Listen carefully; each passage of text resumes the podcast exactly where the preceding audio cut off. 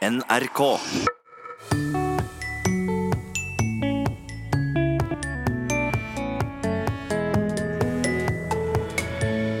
De sier skjønn og skjernetid i politiske debatter og får kjeft. Jeg er jo utdanningspolitiker og veldig opptatt av utdanningspolitikk. og Da får jeg en del tilbakemeldinger på at eh, kanskje jeg skal lære meg norsk før jeg snakker om skolepolitikk. Da tror jeg det blir en eh, kollisjon mellom en, en sånn barnslig sfære og en viktig, seriøs eh, politikerarena. Og hun skriver om økonomi slik at folk forstår. Jeg må jo bruke språklige virkemidler, da. Slå litt krøll på meg selv. Møt Maria Berg Reinertsen, vinner av Språkprisen 2018. Kjønn blir til skjønn, og kjede blir til skjede. En uting og en talefeil, mener mange, som vi må få korrigere. Det kan hende i ny og ne at jeg får litt sånn umyndiggjørende og latterliggjørende kommentarer. Og det syns jeg er uh, ganske kjipt. Sier stortingspolitiker for SV, Freddy André Øvstegård. Han får mye kjeft for sin bruk av SKJ-lyden, som i kino, skjøtt og kjole eller skipt. Men hva er det med denne lyden som vekker slik harme? Hvis en ser den endringa litt sånn i fugleperspektiv, så er det jo det som ser ut som den viktigste lydendringa i Norge på lang, lang tid. Ja. Det framstår i hvert fall som det mest ja, sprengstoffaktige som fins i språkutviklinga kanskje de siste 100 åra. Men så viktig er den ikke, er det det du sier? Jeg mener faktisk ikke at den er så viktig, men et kjempeinteressant objekt for språkvitenskapelig forskning. Sier språkforsker Stian Horstad. Og han skal vi høre mer fra. Men først tilbake til Freddy André Øvstegård. Jeg har blitt sammenligna liksom, ja, Hvis en femåring kan klare å si KJ-lyden riktig, så burde jo en voksen politiker gjøre det. Og det er litt kjipt fordi det uh, hever jo kanskje terskelen litt for å delta i debatten.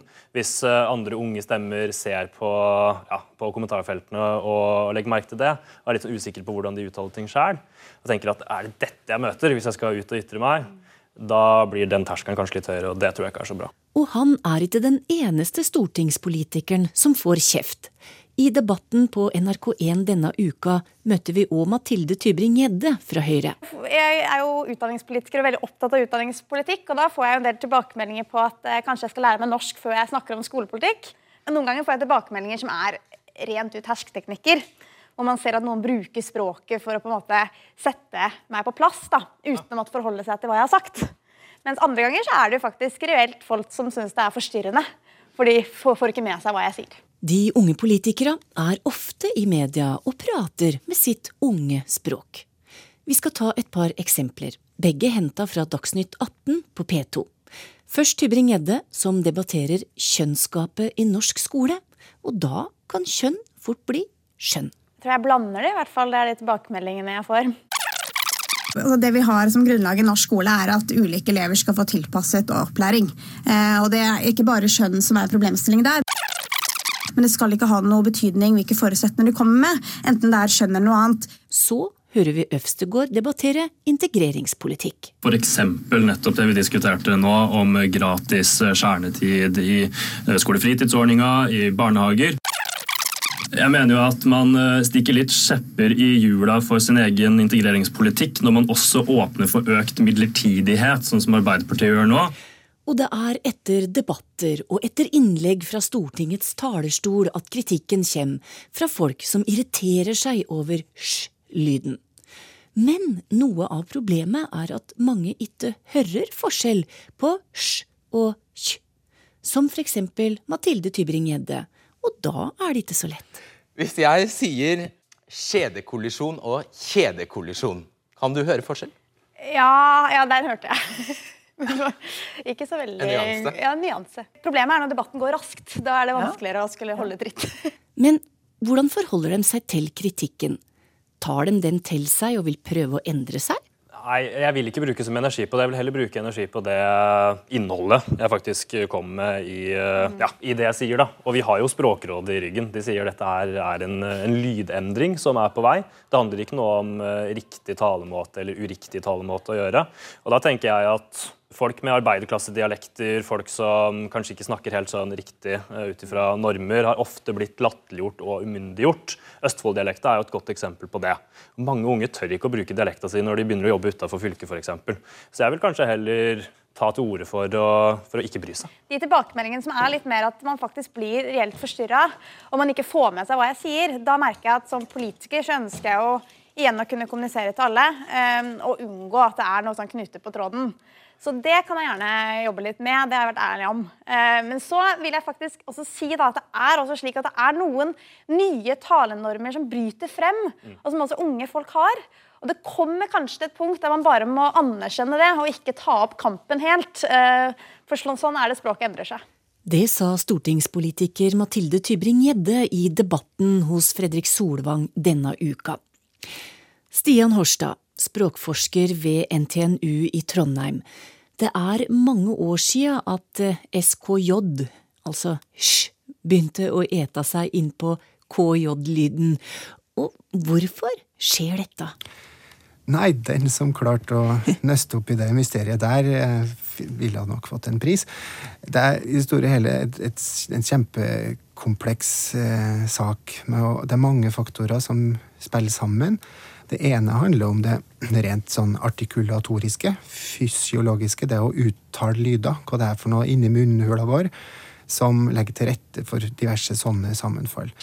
Men hvorfor skjer det nå, mm. og mhm. hvorfor skjer det ikke for 100 år siden eller 200 år siden? Ja. Og da må man trekke med en god del andre ting. Og det handler både om ja, sosiale, demografiske forhold. Altså hvor mange folk er det etter hvert som har begynt å bruke det trekket. Og der har både eh, innvandring noe å si, for det kan en anta, i hvert fall i visse eh, grupper eller visse miljø, at innlærere av norsk som kommer og har et språk som ikke har den eh, forskjellen mellom to lyder, har større problem med å tilegne seg den distinksjonen. Og dermed så blir da i den gruppa flertallet brukere av den nye formen. Altså den, den feil formen, da, som mange vil si. Mm. Men det gjelder jo heller ikke i alle de her miljøene. Det er ikke sånn at Norge har fått lik utvikling. Altså Hvis en tar de store byene, som er de språkmiljøene som har vært det mest eh, utforska når det gjelder denne lydendringa, så er det jo ikke sånn at Stavanger, Oslo, Trondheim og Bergen har utvikla seg helt likt når det gjelder innvandring. Så det viser bare at det er mange ingredienser oppi den potten som da til sammen uh, trekker i den retning som mm. det her har gått. Mm. Du nevnte det rent fysiologiske, altså det som skjer inni munnen vår. Og jeg har lett litt i arkivet til Språkteigen, i 2014 prater vi om dette fenomenet her, og da fortalte språkforsker ved Universitetet i Stavanger, Jan Christian Hognestad, litt om historien til kjø-lyden.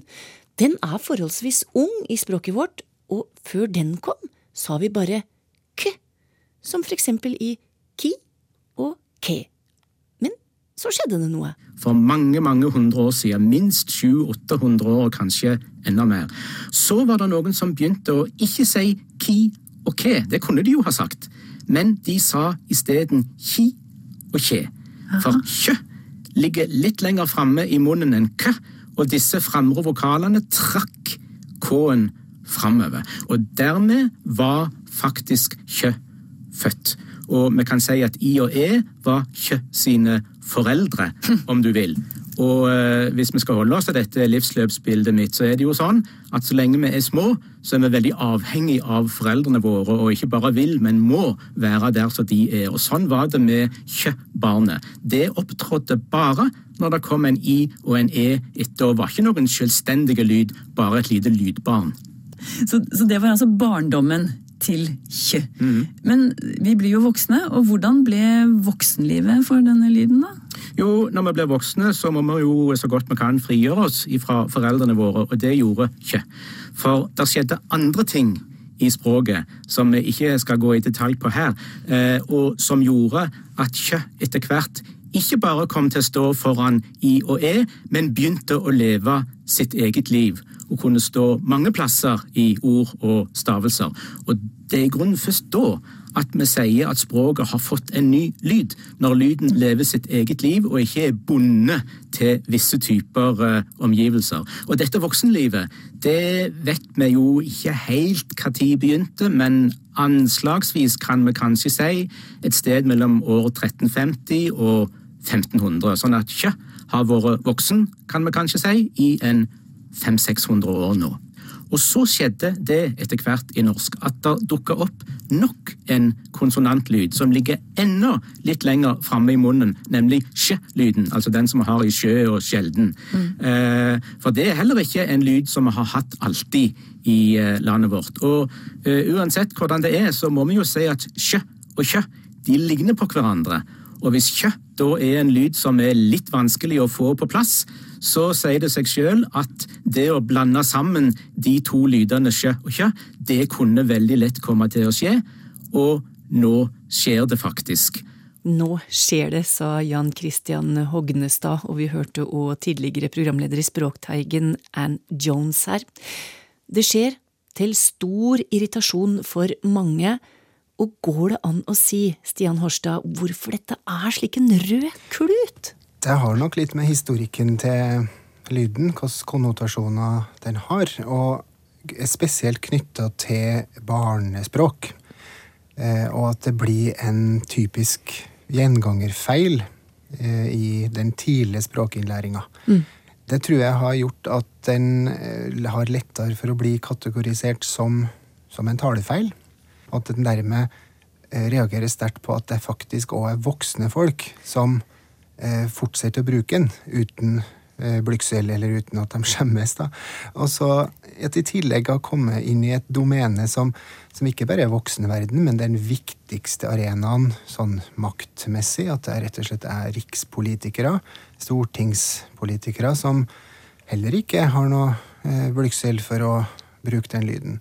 Så da tror jeg det blir en, for enkelte da i hvert fall, en kollisjon mellom en, en sånn barnslig Eh, sfære og en viktig, seriøs eh, politikerarena.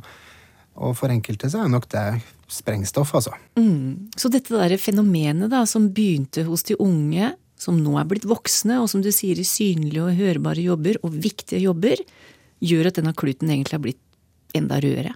Jeg tror kanskje det er at eh, språkbruksarena har noe å si. Fordi det henger jo sammen med alle de innfløkte kjørereglene som folk eh, styrer etter når det gjelder språkbruk. Eh, visse språkformer går an her, visse aksepteres der. Du har en sånn sjølregulering på mange områder. Og da har òg språkbruksarena noe å si. Og alle vet jo at en kanskje forandrer sin språklige atferd hvis en står på en talerstol, kanskje. Og det er klart at den rikspolitiske arenaen det føles som liksom sjølveste hovedscenen i eh, Språkbruks-Norge. Eh, Så jeg tror kanskje det er med på å, å sette noe andre Altså at folk flest stiller noen andre krav til den språkbruken som skal foregå der. Ja, og så mener jo mange at det rett og slett går utover forståelsen når kjede blir til skjede og kjønn blir til skjønn. Er det ikke noe i det? Ja da, det er klart det.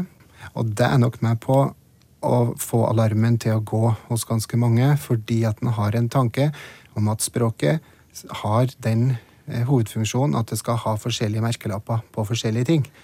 Men eh, da kan jeg jo en gang vise fram at språket lever godt med en god del sånne ting fra før òg. Så det er ikke første gang det skjer, det er nå én ting, og det er òg kanskje flere sammen sammenfall, eller flere sånne eh, homonymier, altså samme lyd eller eh, uttrykksform mm. som viser til forskjellige ting i verden, uten at kommunikasjon bryter sammen så ofte. Jeg kan jo tenke på bank. Det er jo ett ord. altså eh, Å få bank er noe annet enn å gå i en bank. Mm -hmm. Det går jo ganske fint, fordi at du i de aller, aller fleste tilfeller har en kontekst som støtter opp under den eh, forståelsen eller den tolkninga som er den riktige. Mm. Og så har du ordet klar, da for deg som trønder? Absolutt. Det fins mengder av sånne ting. Så gå gjennom det norske språk på alle punkt, så er det mange sånne forhold som viser sammenfall som potensielt ja, er til skade for kommunikasjon, men det går jo bra. Mm. Du, eh, vi må se litt inn i, i, i spåkula, da. Blir KJ-lyden borte? Ja, det tror ikke det skjer i min tid, men jeg tror heller i hvert fall ikke at det nå vil snu seg. Det skal eh, ganske mye til for at det reverseres. Så kan en kanskje tenke seg en tilstand der begge eh, har et godt samliv i lang, lang tid. Det finnes jo eksempel på sånne lyder som, som uh, fins i godt samliv, sjøl om det er i forskjellige deler av landet. Uh, L-en vår er jo et eksempel på altså tjukk L versus en annen type L. Mhm. Sol og sol. Den har nå levd innad i Norge sammen i mange hundre år. Uh, så det kan jo tenkes at det her blir en parallelltilstand. Men det som eventuelt kan Eh, ja, det kan for så vidt dytte i begge retninger, både eh, framover og, og, og, i revers, er jo den oppmerksomheten som eh, sånne eh, mediediskusjoner eh, gir da, til det lyd- eller utviklingsfenomenet. Ja. Det er klart at hvis det blir en oppfatta som en sånn massiv kritikk mot eh, den endringa, så kan det hende at, det griper inn i atferden til den enkelte.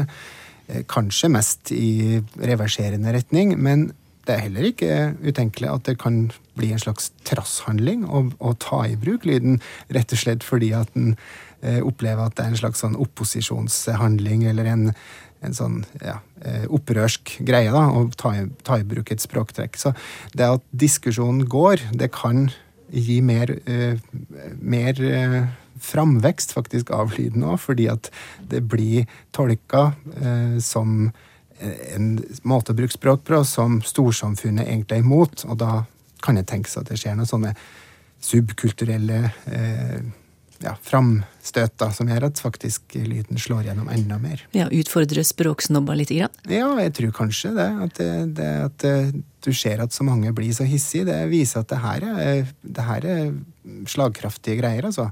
Og den som har behov for å provosere litt, kan jo da rett og slett begynne å skifte til skjøtt og kino. Stian Horstad, språkforsker ved NTNU i Trondheim, fikk med det siste ord i, ja, skal vi kalle det, utviklinga i SKJ-saken i Språkteigen i dag.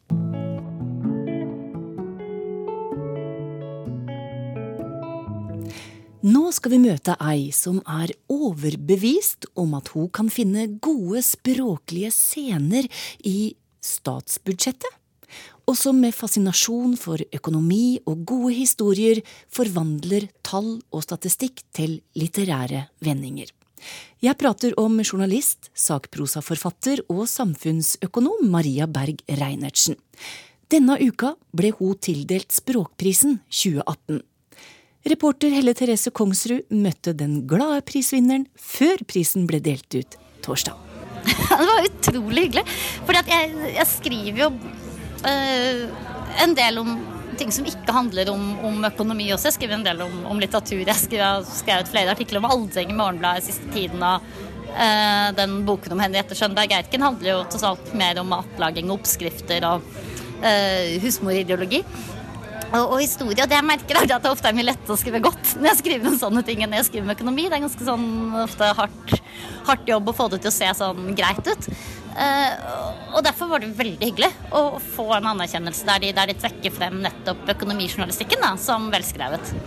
Som juryen sier, i Morgenbladet ba AS nylig om å ta elefanten i rommet ved snabelen og anerkjenne at de rikeste har særlig ansvar for sosial bærekraft. Og slike språklige vendinger, de vekker begeistring.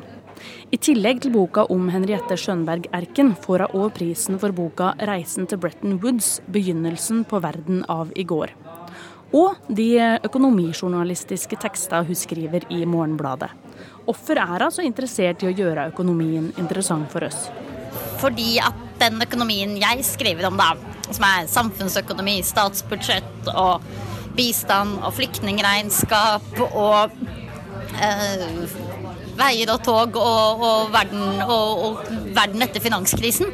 Det er jo økonomi som handler veldig mye om politikk også, som har politiske konsekvenser. Og, selv om man kanskje ikke er så veldig interessert i å liksom lese tallene i statsbudsjettet eller økonomiske fagartikler, så er man jo gjerne interessert i de politiske konfliktene som foregår både i vårt eget land og rundt omkring i verden. Mm. Men åssen klarer du å nå ut til de folka som ikke egentlig er så interessert i det du skriver om? ja, nei, det, eh, det er jo utfordringen. Det er en ting som er fint med å jobbe i Morgenbladet, er jo det at jeg Det er ikke så mange andre økonomer der, så jeg får, jeg får brynt meg litt på, på motstand internt også, fra veldig gode og språkbevisste kollegaer. Hvorfor er dette viktig? Eh, det jeg prøver, er at jeg prøver å, å, skrive, å vise hva det er som står på spill. ikke sant? Hva er sammenhengen mellom at finanskrisen i 2008 utløste liksom den største økonomiske nedturen i verden siden depresjonen på 30-tallet, og fremveksten av, av, populistiske bevegelser i Europa i, i tiden eh, etterpå. ikke sant? Sånne ting. Eh, en annen ting er jo det at jeg jeg må jo bruke språklige virkemidler. da. Slå litt krøll meg selv, så jeg kan finne noen, noen gode bilder som, som alle, alle, alle, forstår. Kanskje få leseren til å le litt. Og, og så tegne bruke, hva skal jeg si, bruke språket for å tegne noen sånne bilder. da, Bygge opp noen, noen scener. ikke sant? Finnes, kanskje fins det til og med scener i statsbudsjettet. Ja, kanskje gjør det det. Ifølge juryen fant hun i alle fall slike scener i boka 'Reisen til Bretton Woods'. En historie om de forhandlingene som skjedde forut for etableringen av det vi kjenner som Verdensbanken og Det internasjonale pengefondet. Og hun er genuint opptatt av å finne språklige grep for å fange lesere. Det er kanskje litt forskjellige grep, men det begge de to siste bøkene mine er på en måte historiebøker. Uh, og det er fordi jeg tenker det at at vi ofte har mye å, lære av, av, å se oss litt bakover. ikke sant? Det er jo da vi finner ut hvordan ting faktisk var, ikke hvordan de økonomiske modellene sier at, at, ting kan, kan bli. Og, og, i den siste boka mi, 'Reisen til Bretton Woods', der var det eh, der, der, var det rett og slett veldig viktig for meg å, å prøve å bli kjent med, med, de mennene som satt på en båt midt ute på Atlanterhavet under, under avslutningen av andre verdenskrig og, og forhandlet og tegnet, uh, laget regelverk for, for etterkrigstiden sin økonomi. Gå inn i hvem, hvem var de, hva slags liv hadde de gjort? Hva hadde de gjort i tillegg til å være økonomer? De hadde skrevet romaner. De eh, førte statistikk over alle mennene de lå med. De uh, hadde tatt med seg celloen og latt elskerinna og kona være igjen i et krigsrammet Europa. Ikke sant? Hva, kan, hva, slags drømmer bar de på? Så det håper jeg er noe som kan, kan, kan fengsle leserne. At du, at, du, merker at det er mennesker av kjøtt og blod bak, bak disse økonomiske debattene også. Det jeg tenker er jo det at eh, økonomi er litt for viktig til å bare bli overlatt til økonomene. ikke sant? Hvis du rydder bort alle disse tallene og begrepene og fagartiklene og grafene og alt det her som eh, mange språkmennesker kanskje er litt redd for, så sitter du ofte igjen med verdivalg, ikke sant? Hvilke, hvilke verdivalg ligger bak en idé om at man f.eks. ikke kan øke skattenivået, eller en idé om hva hva klimatiltak koster. ikke sant? Hva er vi villige til å betale og sånne ting. Og det er jo debatter som, som, som økonomen ikke kan avgjøre. ikke sant? De kan, de kan kanskje fortelle oss hva noe, noe, koster, men de kan ikke fortelle om det er dyrt eller ikke. Det, det er jo opp til oss. Du får 100 eh, 000 kroner på kjøpet. Har du noen plan for prispenga?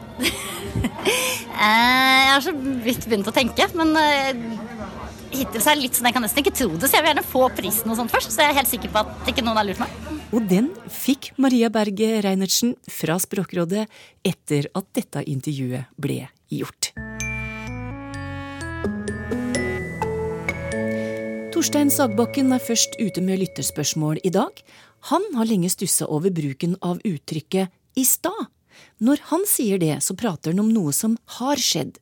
Vil han prate om noe som skal skje i framtida, så bruker han eksempel etterpå eller senere men førkrigsgenerasjonen der han bor, på Hurum, bruker uttrykket om begge deler. Jeg gjorde det i stad betyr at noe har blitt gjort. Jeg får gjøre det i stad betyr at noe kommer til å bli gjort om ikke så lenge. Med andre ord er det umulig å skjønne hva uttrykket betyr i seg sjøl, så hvor kommer dette uttrykket fra, spør han. Og jeg spør deg, Tor Erik Gjenstad. Ja, det, det kommer nå faktisk eh, helt ifra norrønt. Uh, og det er i stad eh, Det er jo det vanlige at det er om noe som har, har skjedd for lite grann siden. Mm -hmm. uh, det er det jo. Men uh, i ja, litt tradisjonell dialekt da, så har det vært bruka, og er det kanskje enda, om nær framtid. altså straks eller snart. og det er nå registrert ifra ja, det, det er sør-øst, det her. Det er flatbygdene på Østlandet. Eh, det er Buskerud, og så er det også noe i Agder. Denne bruken av 'i stad om nær framtid'. Men i stad, i norrønt, det kunne bety straks, eh, allerede der. Ja, akkurat. Ja da, så det er gammelt. eh, Og det er nok definitivt på retur, eh, eh, akkurat det her med i stad om framtid. Ideen må vel være Altså, i stad det er jo i stedet for det aktuelle tidspunktet akkurat nå, Ja. som du snakka ut ifra. Og, og da kan det altså bli oppfatta både som før og etter det tidspunktet. Så, så det kunne ha altså dobbel betydning, og det har levd da eh, helt fram til nå i en del eh, sørøstre dialekter. Det er en parallell som vi kommer på i Midt-Norge, og det er uttrykket 'i rett nå'. Det, det kan brukes på begge måter. Altså, han, eh, han var her i rett nå, for litt siden, og han kommer i rett nå. Kommer om ei lita stund. Det er til å bli totalforvirra av, da. Ja, nei, men det går nå som regel greit fram til sammenhengen, da. Ja, ikke sant. Det er sånn det løser seg. Oftest det. Men ganske gammelt eh, dialektmateriale, da. Det er det absolutt, det her. Og det er nok man sier her, på vei ut eh, typisk for besteforeldregenerasjon. Som så mye annet. Da vi var små, skriver Britt Wang, så lekte vi ofte sura. Eller sisten, som mange sier. Da hadde vi områder der vi var bydd, det vil si et friområde der vi ikke kunne bli tatt. Og jeg lurer på hva dette bydd kjem av, spør hun. Ja, det her er jo i, særlig sånn gjemselleik, men også annen leik. Ja. Der de sa De eh, ropa 'bydd'. Eh, 'Jeg er bydd' eh, i Trondheim, da. Det er typisk der, men også mange andre plasser i, i Trøndelag. Og jeg tror det her er forkorta av 'forbydd'. Altså, det er forbudt å ta det da når du er på det, det friområdet. Når du vil fri deg fra, fra leiken, når du ikke er med mer, da, kunne du rope at du, du var bydd. Og det finnes òg varianter med forbydd. Eh, tvi forbydd, tvi forbøddi. Så det er nok eh, det som eh, er utgangspunktet. Og så har det blitt nedkorta til bydd. Jeg fikk nå nylig høre fra Trondheim da, at de kunne òg, når de da ville signalisere at de var med igjen, og, og, og kunne takes, så, så sa de ubydd. Men jeg ble kanskje vel så fascinert av dette ordet sura, ja. Ja, uh, Sura, ja. Det er vel et uh, lokalt uh, eller regionalt navn for sisten. Uh, Tilsvarer sisten. Så du, du sprang Sura. Og det er nå i hvert fall Trøndelag og Nordmøre, der var det Sura. Og, så det var jo det du sa da når du slo eller stakk eh, den, som, eh, den som du skulle fange, da. Å ja, så dere sa ikke sisten, nei? Uh, nei, det var sagt det òg, men sura var nok det, det, det gamle. Ja. Og du kunne ha forskjellige varianter. Du kunne ha f.eks. huksura, der du da var, var fri hvis du setter på huk. Og du kunne ha steinsura, der du kunne fri deg ved å komme deg bort på en stein. Og da kunne de ikke ta det. Og det var vel òg snøsura var en variant, så det er mange, mange forskjellige der. Eh, akkurat hva det ordet kommer til, det har jeg vel ikke noen opplysninger om i farten. Det var siste svar fra Tor Erik Gjenstad i dag. Har du et spørsmål på hjertet, send det til teigen krøllalfa nrk.no, eller søk opp Språkteigen på Facebook. Der kan du spørre om språk, diskutere språk og få med deg artige observasjoner om språk. Dette var det for i dag. Vi høres. Ha det bra.